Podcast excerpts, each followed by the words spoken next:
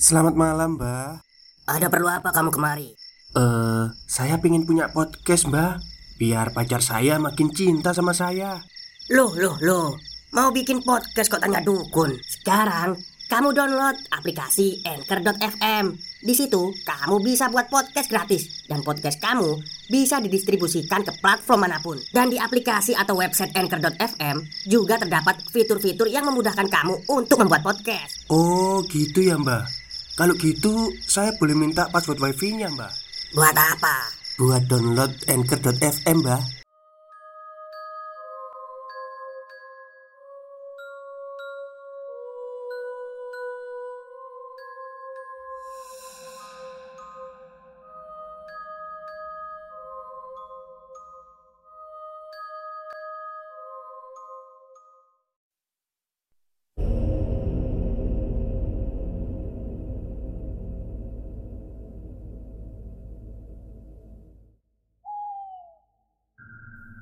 Assalamualaikum warahmatullahi wabarakatuh. Halo semuanya, jumpa lagi dengan saya Chow Sing Sing, kurator dari Podcast Horror Night Story.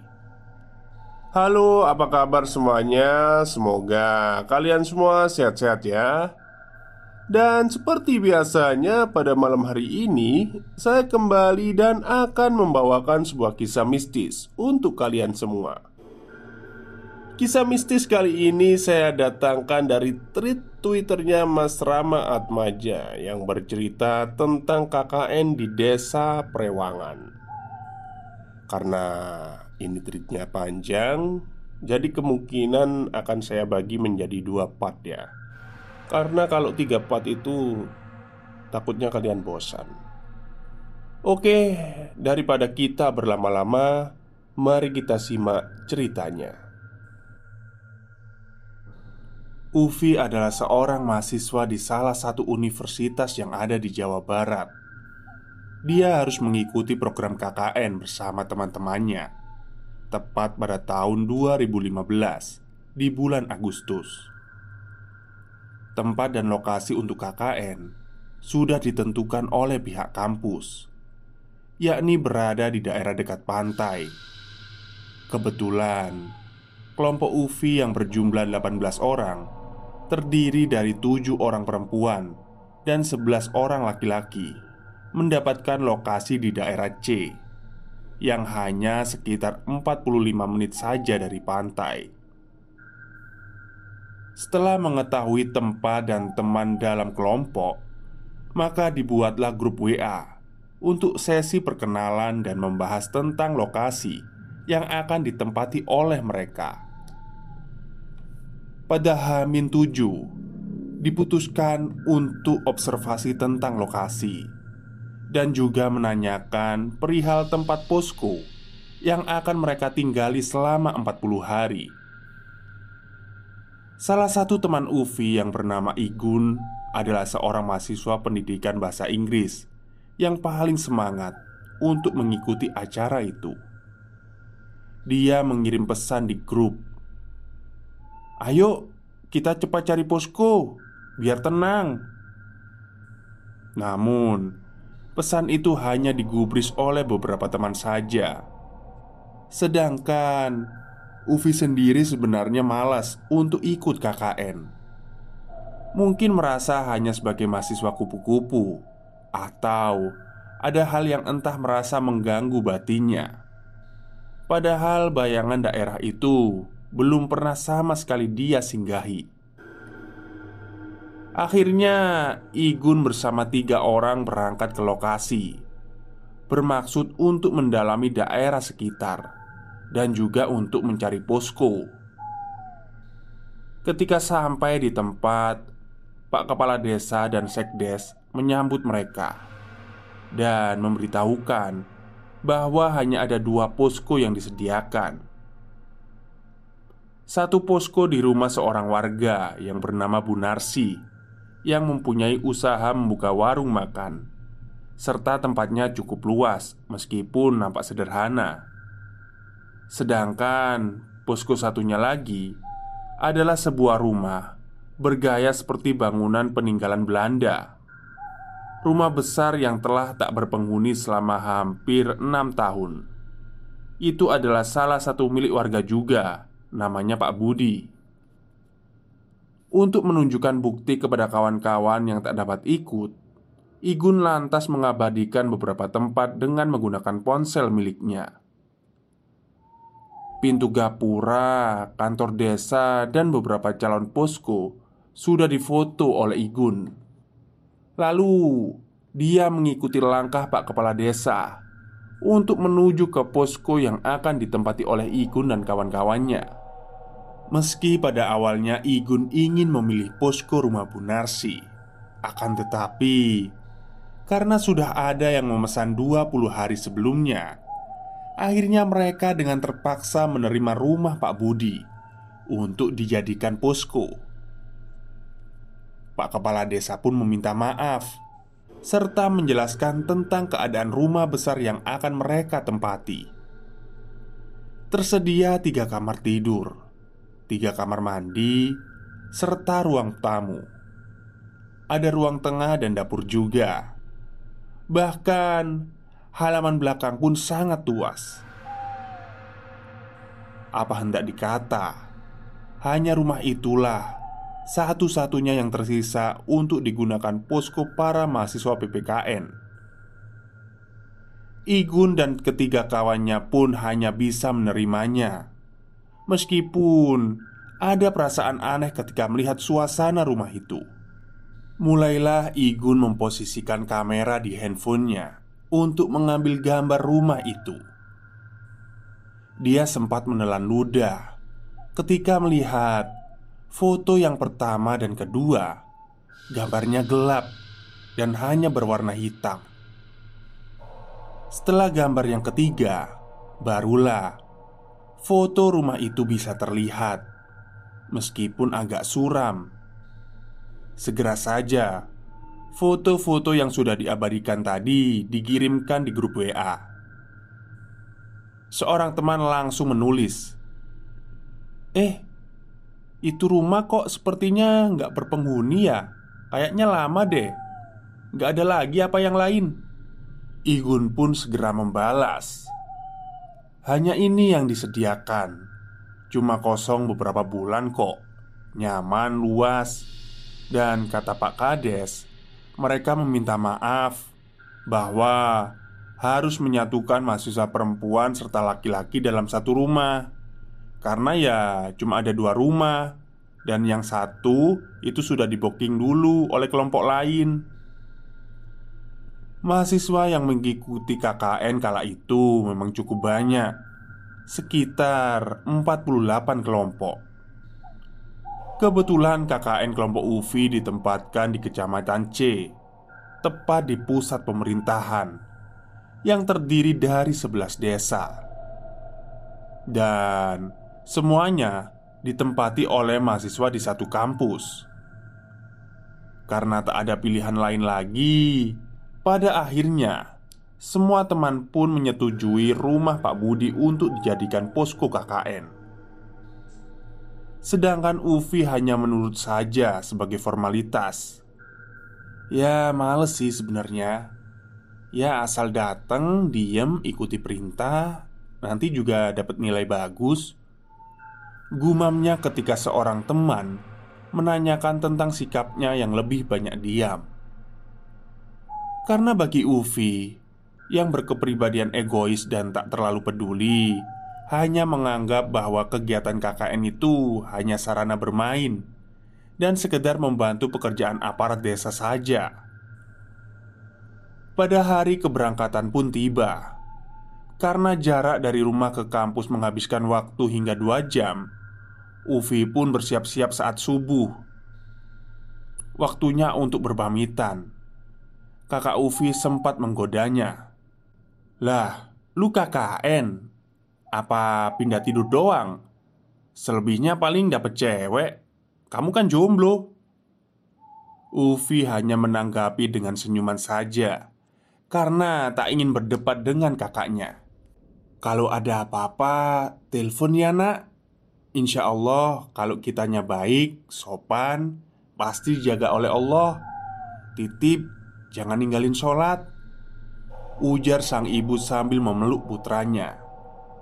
Sedangkan sang ayah hanya mengangguk Sambil tersenyum Seperti memiliki arti lain Untuk melepas kepergian Ufi yang akan menuju ke tempat KKN Ufi menjawab dengan anggukan Kemudian berpamitan dengan mencium punggung telapak tangan kedua orang tuanya di dalam perjalanan menuju tempat berkumpul yang sudah ditentukan, Ufi sempat bertanya-tanya dalam hati, "Kok tumben ya ibu berkata seperti itu?"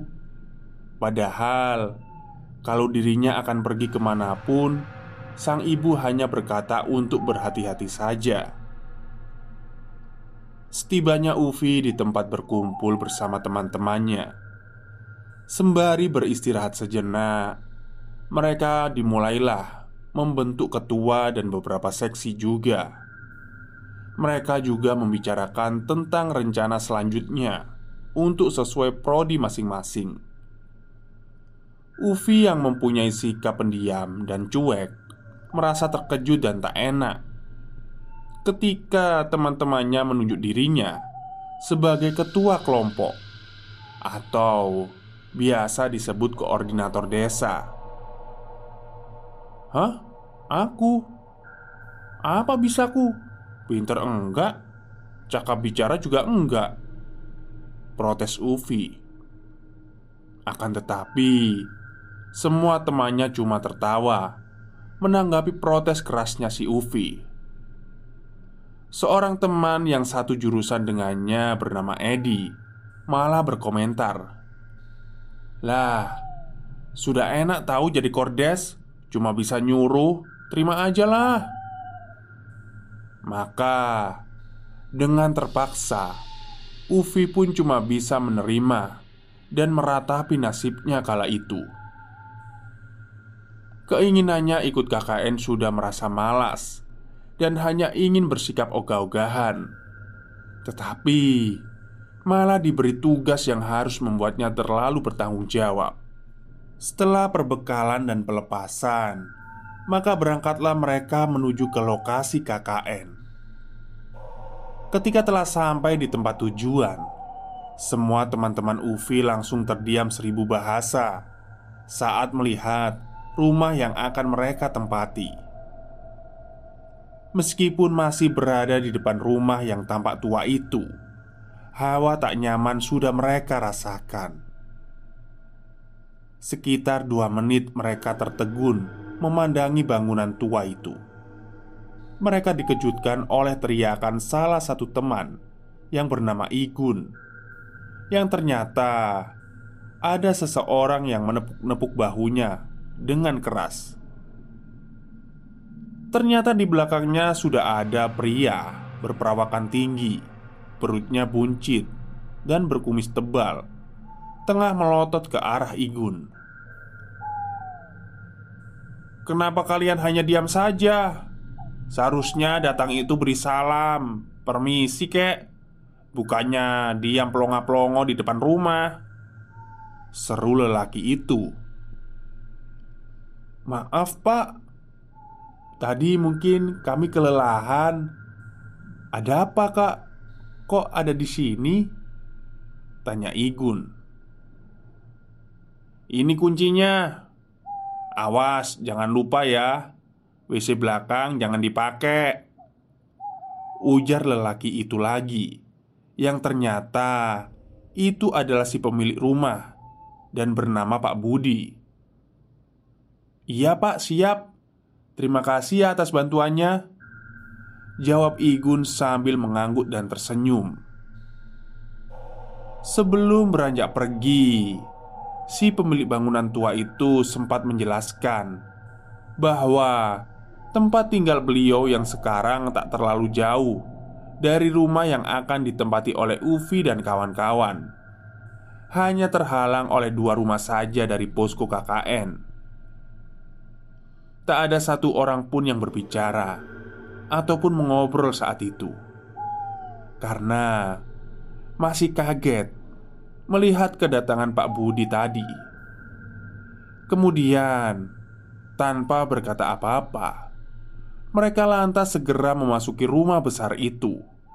Meskipun saat itu waktu menunjukkan pukul 12 siang Namun Ketika memasuki rumah itu Mereka merasakan Suasananya seperti jam 12 malam Suasananya sangat sepi dan suram Tidak ada sinar matahari yang masuk ke dalam rumah Terlihat pula lantai ubin berwarna kuning klasik Yang menandakan bahwa bangunan itu memang merupakan peninggalan zaman penjajahan Belanda. Rumah yang dijadikan posko memang berada di pinggir jalan. Di sebelah kanan terdapat sebuah kios. Namun nampaknya kios itu selalu tutup. Pada sebelah kiri bangunan hanya ada beberapa rumah yang terbengkalai. Dinding tembok telah dipenuhi oleh tanaman liar yang sudah menjalar. Di belakang rumah itu ada sebuah lahan kosong yang terdapat beberapa pohon kelapa dan pohon besar lainnya, sehingga mirip sekali sebuah hutan yang tak ada penghuninya. Akan tetapi, di sebelah kanan bangunan rumah itu masih banyak rumah-rumah yang berpenghuni, dan berbanding terbalik dengan samping rumah sebelah kiri yang terlihat hanya pemandangan bangunan terbengkelai. Ketika memasuki rumah, kesalahan mereka yang pertama adalah tanpa mengucapkan salam terlebih dahulu, tetapi malah langsung berebutan kamar. Sebagai ketua, Uvi pun membagi kamar supaya teman-temannya tidak saling berebut.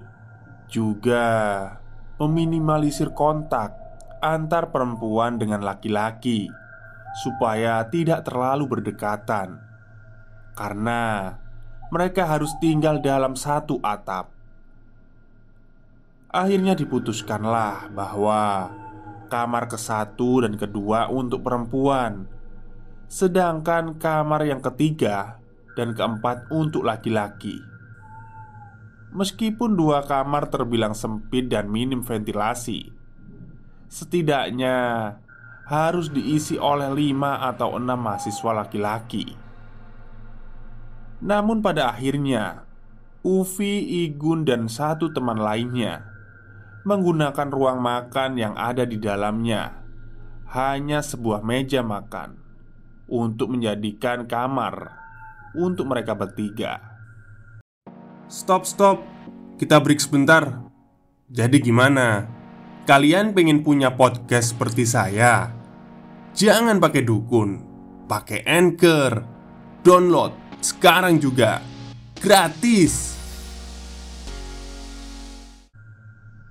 Di sana terdapat sebuah jendela yang langsung menghadap ke area belakang, sehingga bisa melihat keadaan sekitar area yang ditumbuhi pohon kelapa, pohon rambutan, serta beberapa tanaman besar lainnya. Untuk menuju ke dapur, musola, dan WC, memang harus keluar dari rumah utama, lalu bisa melihat area belakang yang tanpa atap. Beberapa hari mereka lalui dengan beberapa aktivitas.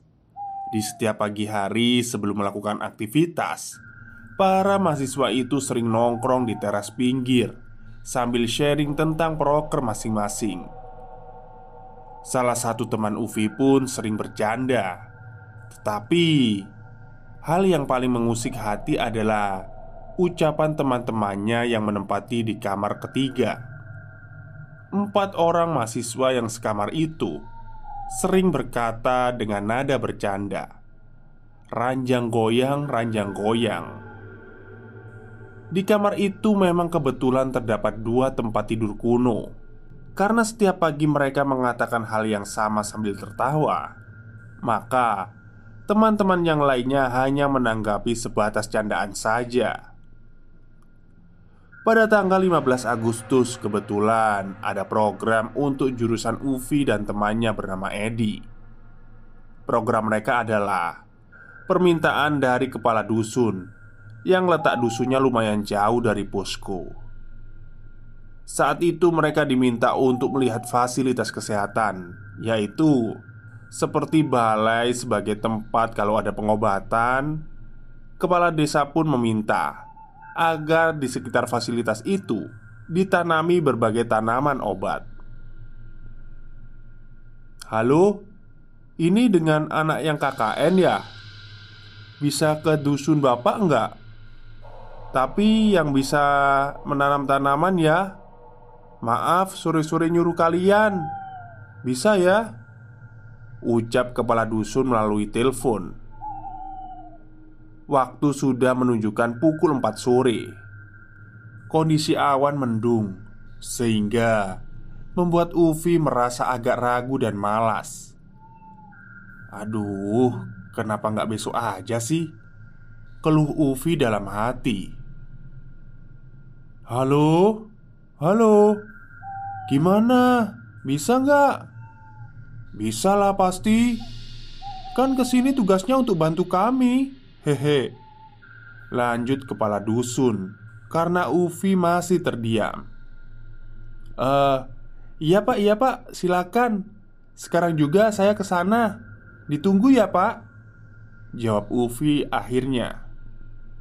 Oh iya udah, kalau ke sini jangan sendirian ya Seru si bapak mengakhiri panggilan Ufi pun merasa terkejut Karena tak mengerti dengan ucapan si penelpon Hah, bukannya ngucapin salam dulu Malah langsung nutup Jawab Ufi Ed, Edi Ayo ada tugas nih Kita harus ke Dusun C Tadi kepala dusun nelpon harus ke sana sekarang.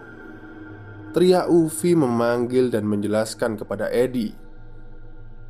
Aduh, kok sore begini sih? Aneh deh. Malas Afi, besok aja. Mana mendung lagi? Jawab Edi ragu. Jauh sih, tapi ya gimana lagi? Ayo, tegas Ufi karena tak ingin mendapat penilaian kurang baik cuma gara-gara masalah sepele. Pada akhirnya, mereka berdua berangkat dengan mengendarai sepeda motor milik Edi untuk menuju ke dusun itu yang letaknya agak menyempil di ujung. Jarak dari posko ke dusun itu biasa ditempuh sekitar 20 menitan bila menggunakan kendaraan bermotor. Mereka pun harus melewati beberapa rumah warga kebun, serta pepohonan rimbun yang kanan kirinya tak terlalu banyak rumah. Di dalam perjalanan, mereka tak ingin berpikiran aneh atau hal-hal yang bisa mengganggu. Uang hanya itulah yang ada di pikiran mereka saat itu. Datang lalu memberikan survei dan mengatakan akan mereka kerjakan esok lusa. Karena di tanggal 16 sampai 18 akan ada acara yang menjadi unggulan dari program KKN. Itulah rencana dua orang mahasiswa yang merasa terpaksa pergi ke sebuah dusun terpencil. Jalanan yang mereka lalui tak bisa dikatakan mulus. Meskipun tak terlalu rusak parah, hari pun telah mulai gelap seperti mendung yang tiba-tiba datang menyelimuti daerah itu. Keadaan sangat sunyi dan sepi karena tak ada satu orang pun yang berpas-pasan atau melalui jalanan itu, selain dua orang mahasiswa yang dari tadi hanya dia membisu di atas motor roda duanya.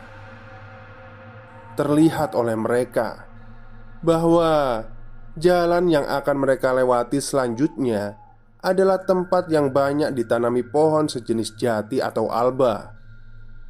Akan tetapi, sebelum mencapai tempat tersebut, tiba-tiba motor langsung berhenti secara mendadak. Waduh, Vi, kok motornya mati? Padahal bensin masih banyak kok. Teriak Edi yang kebingungan. Lah, mana aku tahu. Coba cek dulu di Aduh, mana masih jauh lagi. Pulang pun jauh. Keluh Ufi sambil turun dari jok belakang. Edi menurunkan standar Lalu membuka tangki bensin motor metiknya Untuk melihat isi bensin. Terlintas pula dalam pikiran Ufi Atas ucapan kepala dusun tadi. Kenapa tadi dibilang jangan pergi sendirian? Ya Ah mungkin pekarangan fasilitas desa ini cukup luas Jadi mesti datang berdua. Vi, ayo pulang Ucap Edi membuyarkan lamunan Ufi. Uh, Ayo ayo kita pulang di Jawab Ufi seketika. Lah kenapa pulang? Sampai juga belum. Sebentar aku cek motornya Kata Edi yang langsung membuat Ufi menjadi bingung. Lah Kamu tadi bilang ayo pulang Ketus Ufi yang tampak ragu. Hei, dari tadi aku cuma ngecek motor. Aku diem Tegas Edi Dengan tatapan meyakinkan. Nah terus yang tadi siapa? Ah mungkin halusinasi Gumam Ufi Motor pun akhirnya bisa menyala. Edi yang telah merasa lelah Langsung menyuruh Ufi untuk menyetir motor Sesekali Edi mengumpat kasar. Anjing bangsat. Motor tak tahu diuntung. Sedang dibutuhkan malah mogok. Untungnya lah. Kalau tidak, kubuang kamu. Ufi langsung tersenyum Mendengar umpatan temannya. Sudah, sudah. Ayo, biar cepat sampai dan pulang. Sudah mau maghrib nih. Selang beberapa meter berkendara Ufi melihat Ada sesosok tubuh yang terbaring di samping kanan jalan namun, karena harus fokus mengendarai motor, jadi tak dihiraukannya sosok yang terbalut kain putih kusam itu. Meskipun merasa terkejut dan was-was, tapi Ufi tidak memberitahukan teman yang duduk di jok belakangnya karena tak mau urusan mereka menjadi kacau. Hawa semakin dingin dan keadaan bertambah gelap. Namun, Kesunyian yang mencekamlah yang membuat Ufi merasa sedikit takut. Maka dia langsung tancap gas motor agar bisa segera sampai ke tempat tujuan.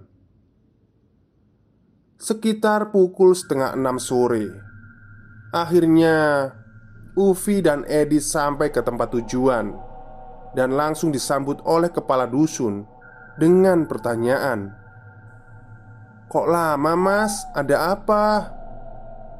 Eh, nggak apa-apa pak.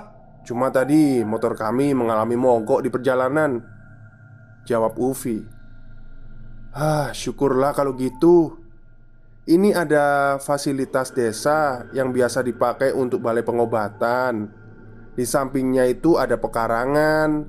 Kami para warga di sini ingin pekarangan kosong itu ditanami oleh tanaman obat-obatan Agar nanti jadi pepohonan apotik kami. Jelas kepala dusun.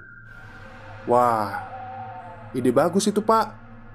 Untuk ukuran 3 kali 4 meter ini memang cocok Untuk beberapa tanaman. Namun Kami ingin meminta maaf.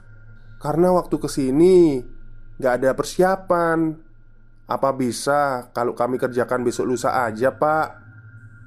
Ufi mengemukakan alasannya Agar dia tak berlama-lama lagi di dusun terpencil itu.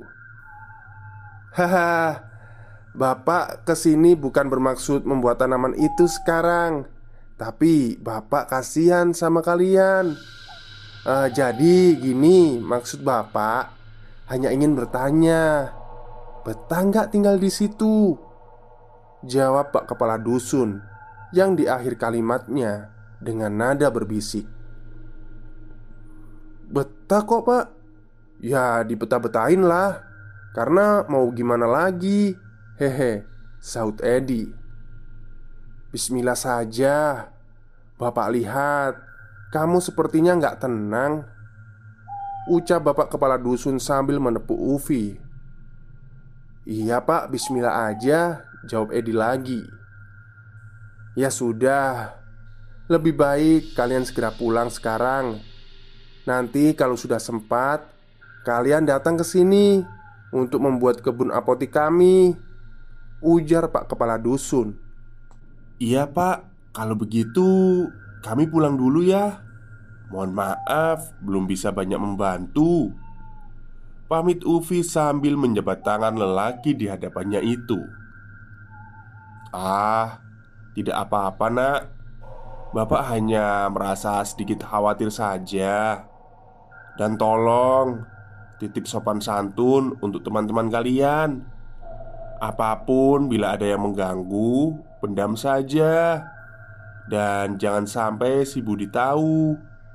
Oh iya Sepulang dari sini nanti Di perjalanan Jangan gubris apa pun yang ada di depan kalian ya Tegas Pak Kepala Dusun Yang langsung berbalik Lalu Berjalan meninggalkan dua orang mahasiswa Yang masih tampak kebingungan Lalu Edi mendekati Ufi dan berbisik Maksudnya apa ya?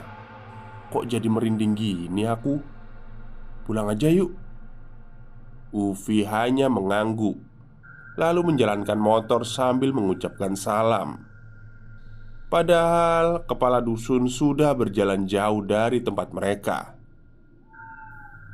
Aneh juga Udah capek-capek ke sini kok malah ngobrol itu aja? Kenapa nggak bicara lewat telepon aja sih? Tanya Ulfi dalam hati.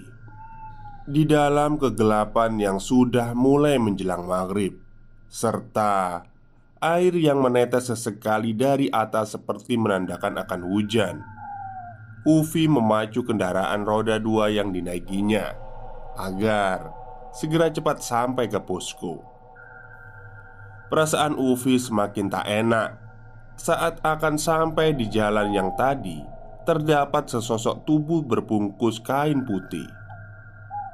Benar saja, ketika telah berada di jalanan yang terasa aneh itu, mata Ufi kembali melihat hal yang membuat jantungnya bagai dipacu.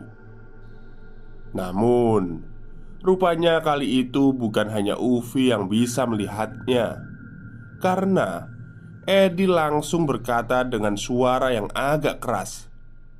Vi, Vi, Vi, ngebut Vi Bukan hanya itu saja yang bisa dilihat oleh dua orang itu Tapi Ada sekelebat bayangan juga Yang seperti mengikuti laju kendaraan bermotor Yang telah dipacu dengan kencang itu Ufi yang penasaran sempat menoleh ke arah belakang Dalam sekilas Dia melihat ada sesuatu yang terbang mengikuti motor mereka. Kembali Ufi menarik gas motor lebih kencang lagi Karena hanya hal itu yang bisa dilakukannya. Sedangkan Edi yang duduk di jok belakang Terus mencengkram pinggang Ufi Sambil sesekali berteriak ketakutan.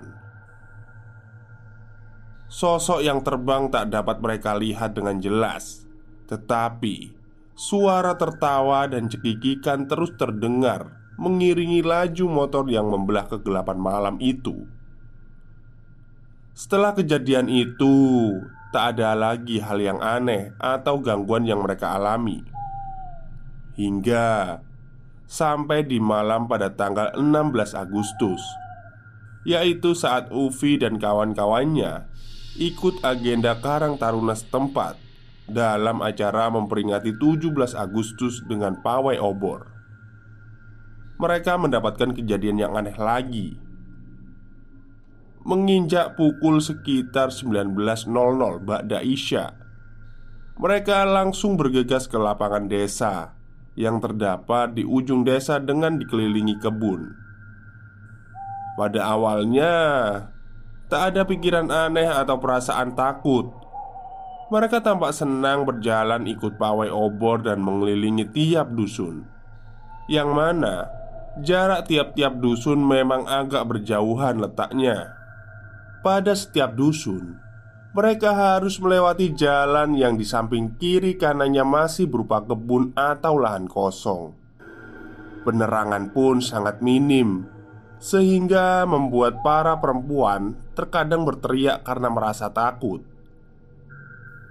Teriakan dan rasa terkejut para perempuan, yaitu ketika melihat sesosok menyeramkan yang berada di samping-samping sepanjang jalan.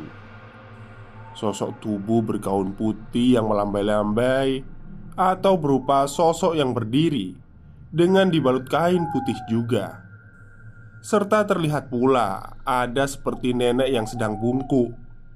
Sering mereka jumpai di perjalanan itu. Namun, ternyata itu semua adalah ulah warga yang sekedar ikut meramaikan acara. Jadi, bukan setan, ya. Dengan membuat semacam bentuk boneka dari pelepah pisang, ketika jam sudah menunjukkan angka 23.00 atau 11 malam, saat pada acara yang terakhir mereka semua menuju ke area lapang yang telah disediakan oleh Karang Taruna setempat. Pentas seni tengah berlangsung dengan meriah Dari acara tarik suara Hingga berbagai macam acara kesenian yang lainnya Turut ditampilkan. Tiba-tiba Igun menepuk punggung Ufi Yang sedang duduk santai menikmati acara yang berada di atas panggung. Pak Ketua Sepertinya kita ada tambahan personil Ucapnya dengan wajah sedikit pucat. Coba lihat Yang duduk ada berapa orang Yang ada di belakang Sambung Igun yang duduk di sebelah Ufi Lalu Ufi pun langsung menghitung teman-temannya yang duduk berkelompok dengannya Teman perempuan seharusnya ada tujuh orang Tetapi saat itu menjadi delapan orang. Dicobanya mengulang hitungannya lagi karena penasaran, tapi malah nambah sembilan orang. Masih tak percaya dengan jumlah hitungannya. Ufi menghitung lagi untuk yang ketiga kalinya. Matanya diucek beberapa kali untuk memastikan, karena jumlah yang didapat adalah delapan orang mestinya. Keadaan sekitar lapangan memang tak terlalu terang. Penerangannya hanya dari nyala beberapa nyala obor, sehingga Ufi mengira bahwa satu orang yang masuk ke hitungannya hanyalah bayangan saja. Mahasiswa yang bernama Dani langsung menarik tangan Ufi untuk mendekati kelompok mahasiswi yang duduk di atas rerumputan dengan membentuk lingkaran karena takut ada hal yang tidak beres dan mengganggu acara yang masih berlangsung itu. Igun, Dani, dan Ufi sontak terkejut saat telah mendekati kelompok teman-teman perempuan mereka. Di sebelah mahasiswa yang bernama Eli, tampak seorang perempuan yang cara duduknya seperti seorang sinden. Namun, yang membuat tiga orang mahasiswa itu terpana adalah saat melihat wajah perempuan itu hanya nampak berwarna hitam. Astagfirullah Ucap ketiga mahasiswa hampir bersamaan Kemudian Dani pun segera menghampiri Eli Untuk memastikan lagi penglihatannya Akan tetapi Tiba-tiba Sosok perempuan berwajah hitam itu langsung menghilang Bulu-bulu halus di sekujur tubuh Dani langsung meremang. Dia pun hampir kencing di celana. Ketika tiba-tiba melihat kemunculan sosok tinggi besar di hadapannya.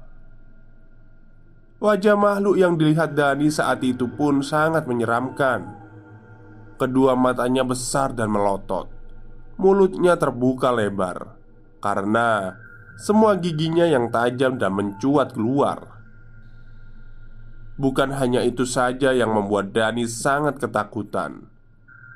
Sosok tubuh yang terus melotot ke arah Dani dan kawan-kawannya itu berwarna merah, sehingga mereka yakin bahwa penampakan menakutkan itu adalah biasa disebut buto abang atau buta merah, atau lebih dikenal lagi dengan sebutan denawa.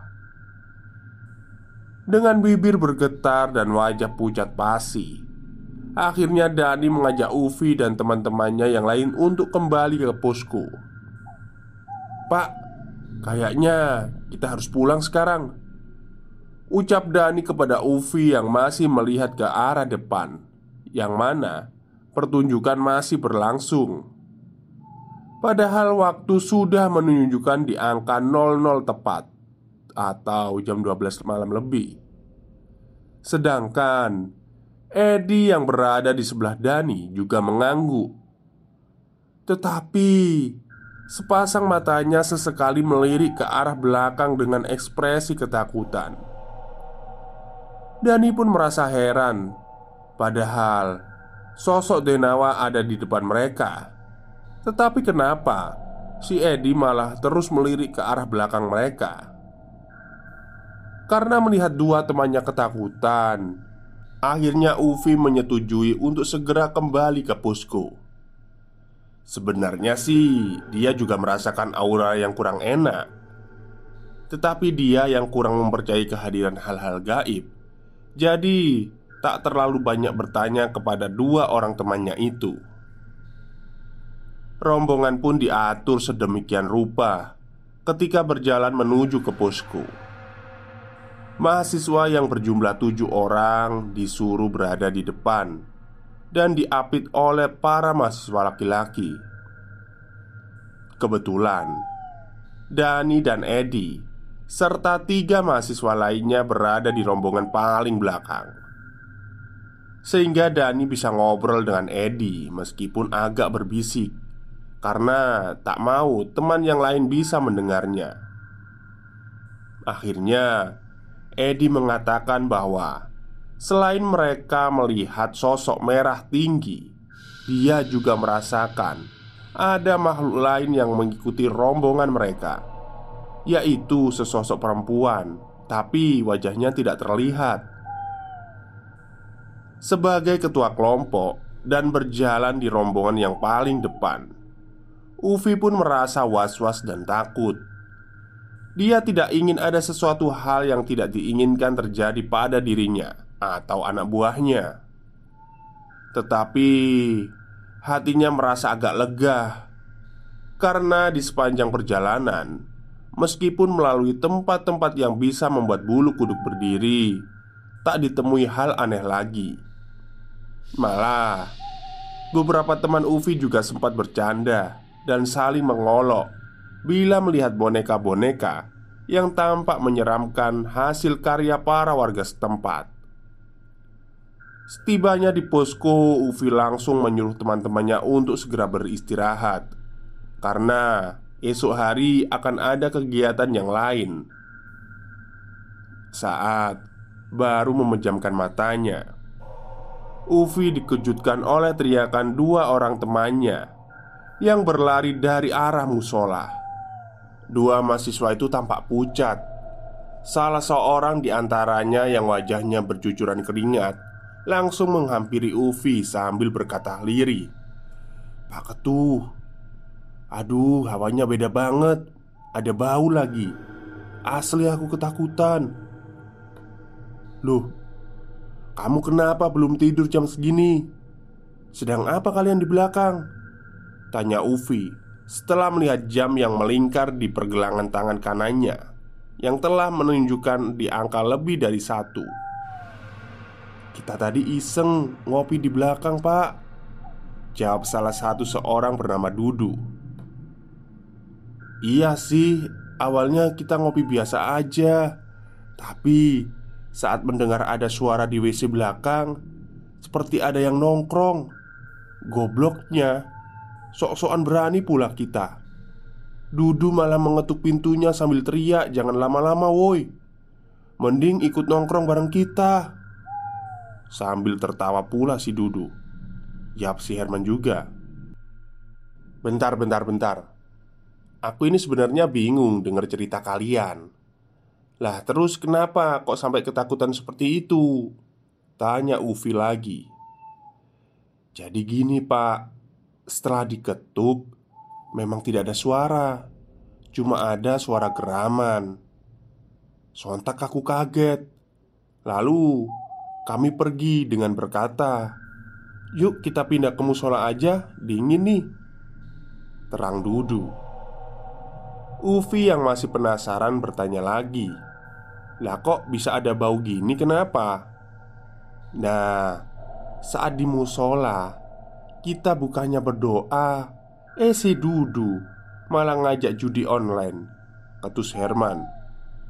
Tapi aku sempat melihat Eli datang ke kotak kuning dengan keadaan melamun dan membuang sesuatu.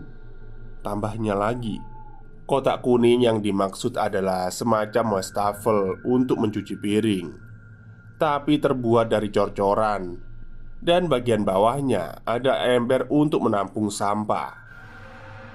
Jadi, awalnya aku dan Dudu tak menghiraukan, Pak. Kita lanjut main gaple online di dalam musola Tapi tiba-tiba Terdengar suara geraman yang semakin nyaring Lalu Ada bau aneh seperti anyir Kemudian Lampu musola langsung padam Kami pun segera lari Dan sepintas Aku melihat pembalut yang masih ada darah yang banyak Dan tidak dibersihkan bahkan tidak dibungkus pula, tapi langsung dibuang ke tempat sampah. Jelas Herman panjang lebar sambil menutup hidung. Hah? Terus hubungannya apa? Memangnya pembalut seperti itu harus dibagaimanakan? Ya langsung dibuang lah Karena memang sudah kotor kan? Ujar Ufi keheranan Yang memang tak tahu tentang hal-hal seperti itu Baru saja Ufi selesai bicara Bau yang sangat anyir itu Tiba-tiba langsung tercium Igun dan Firman yang telah tidur pun langsung terbangun Waduh, kok ada bau gak enak gini ya Vi? Teriak Igun sambil menutup hidungnya. Pak, ini darah head kan? Kesenangannya gitu itu. Mereka paling senang dengan darah seperti itu. Harusnya dibersihkan dulu Dan dibungkus kresek Jadi baunya nggak tercium Jelas si Herman Sambil pelan-pelan menghampiri Ufi. Dudu pun hanya mengangguk Tapi tiba-tiba berteriak Pak, pak, pak, itu apa pak? Ruangan dapur yang dijadikan kamar oleh Ufi dan kedua tamannya Terdapat sebuah jendela yang cukup lebar tanpa daun jendela lagi dan hanya ditutupi dengan selembar jaket atau celana panjang milik Ufi sehingga masih bisa terlihat area belakang pepohonan rimbun dan WC yang dimaksud oleh dua orang yang bercerita itu tadi. Mereka serentak menoleh ke arah jendela ketika melihat wajah ekspresi Dudu yang ketakutan. Seketika pula Ufi dan kawan-kawan yang lainnya terbelalak Saat melihat sosok yang menyeramkan itu. Di salah satu pohon besar Tampak sesosok tubuh berbaju putih kusam yang longgar kebesaran Rambutnya panjang terurai Menutupi sebagian wajahnya Yang masih menunduk Ketika wajah yang tadi menunduk terangkat Dan menampakkan wajah seramnya semua pemuda yang sangat terkejut itu ketakutan dan langsung berlari tunggang langgang menuju ke ruang tengah. Sialnya, Dudu yang berada di samping Herman malah jatuh terjengkang karena didorong oleh salah satu temannya itu. Suara tawa melengking dari sosok berbaju putih itu terus menggema, membuat Ufi dan teman-temannya semakin gemetaran. Suara langkah kaki yang berlari langsung membangunkan teman-teman yang lainnya. Mereka semua berkumpul di ruang tengah untuk mengetahui apa yang sedang terjadi. Rina yang berada di kamar kedua pun terdengar berteriak, lalu berlari menyusul teman yang lainnya ke ruang tengah. Tapi dia langsung jatuh lunglai setibanya di depan teman-temannya. Masih ada seorang mahasiswa yang tak ikut berkumpul, yaitu gadis yang bernama Eli. Si pemimpin kelompok langsung menghampiri temannya itu di dalam kamar Setelah mengkoordinasikan Agar semuanya berada di dalam satu ruangan. Eli, maaf mengganggu. Sebaiknya kamu juga ikut berkumpul dan tidur di ruang tengah ya. Ujar Ufi kepada gadis yang tengah menunduk. Gadis yang diajak bicara lalu mendongak dan tersenyum sedikit. Tak lama kemudian menyeringai lebar. Hal itu membuat Ufi merasa heran dengan sikapnya. Meskipun jantungnya berdebar, Ufi yang atas desakannya menanyakan perihal pembalut itu. Akhirnya dia memberanikan diri untuk lebih mendekati tempat duduk si gadis itu. "Eli, maaf ya. Apakah kamu yang membuang pembalut itu?" Dan Mungkin lain kali kamu bisa membuangnya dengan benar. Setelah mengajukan pertanyaan, Ufi mundur lagi beberapa langkah karena terlihat raut wajah Eli yang langsung berubah. Senyumnya mendadak hilang, lalu menunjukkan ekspresi marah. Gadis itu kemudian berdiri, lalu melangkah menuju wastafel dengan tatapan yang kosong. Diambilnya pembalut yang tadi dibuang Terus dibersihkannya tanpa mengucapkan sepatah kata pun Tak ada seorang pun yang berani mendekati atau menemani gadis itu di dapur Karena merasa ngeri Melihat ekspresi wajah Eli Yang tampak diliputi oleh kemarahan. Setelah selesai dengan aktivitasnya Eli kembali berjalan ke arah kamar. Namun saat melewati ruangan di mana teman-temannya berada Dengan ekspresi wajah yang dingin dia berkata Kalian semua cepat pulang dari sini. Tentu saja semua temannya langsung terperanjat. Eli yang selalu bersikap dan bertutur kata lembut. Kali itu dia berkata dengan lodat Sunda yang kasar. Teman-teman perempuannya pun langsung berteriak histeris dan berusaha memeluk tubuh Eli. Ketika setelah melihat gadis itu berkata kasar, sepasang matanya melotot dan nafasnya pun tersengal-sengal. Semua yang berada di ruangan itu pun bertambah panik saat Eli tiba-tiba jatuh pingsan. Oke, itulah akhir cerita di part pertama Desa KKN Prewangan ya dari tweetnya Mas Rama Atmaja. Jadi kemungkinan part keduanya adalah besok. Jadi karena panjang ya. Sebenarnya bisa jadi tiga part tapi saya singkat menjadi dua part saja biar kalian nggak bosen. Oke, mungkin itu saja pada malam hari ini yang bisa saya sampaikan. Kurang lebihnya saya mohon maaf. Wassalamualaikum warahmatullahi wabarakatuh.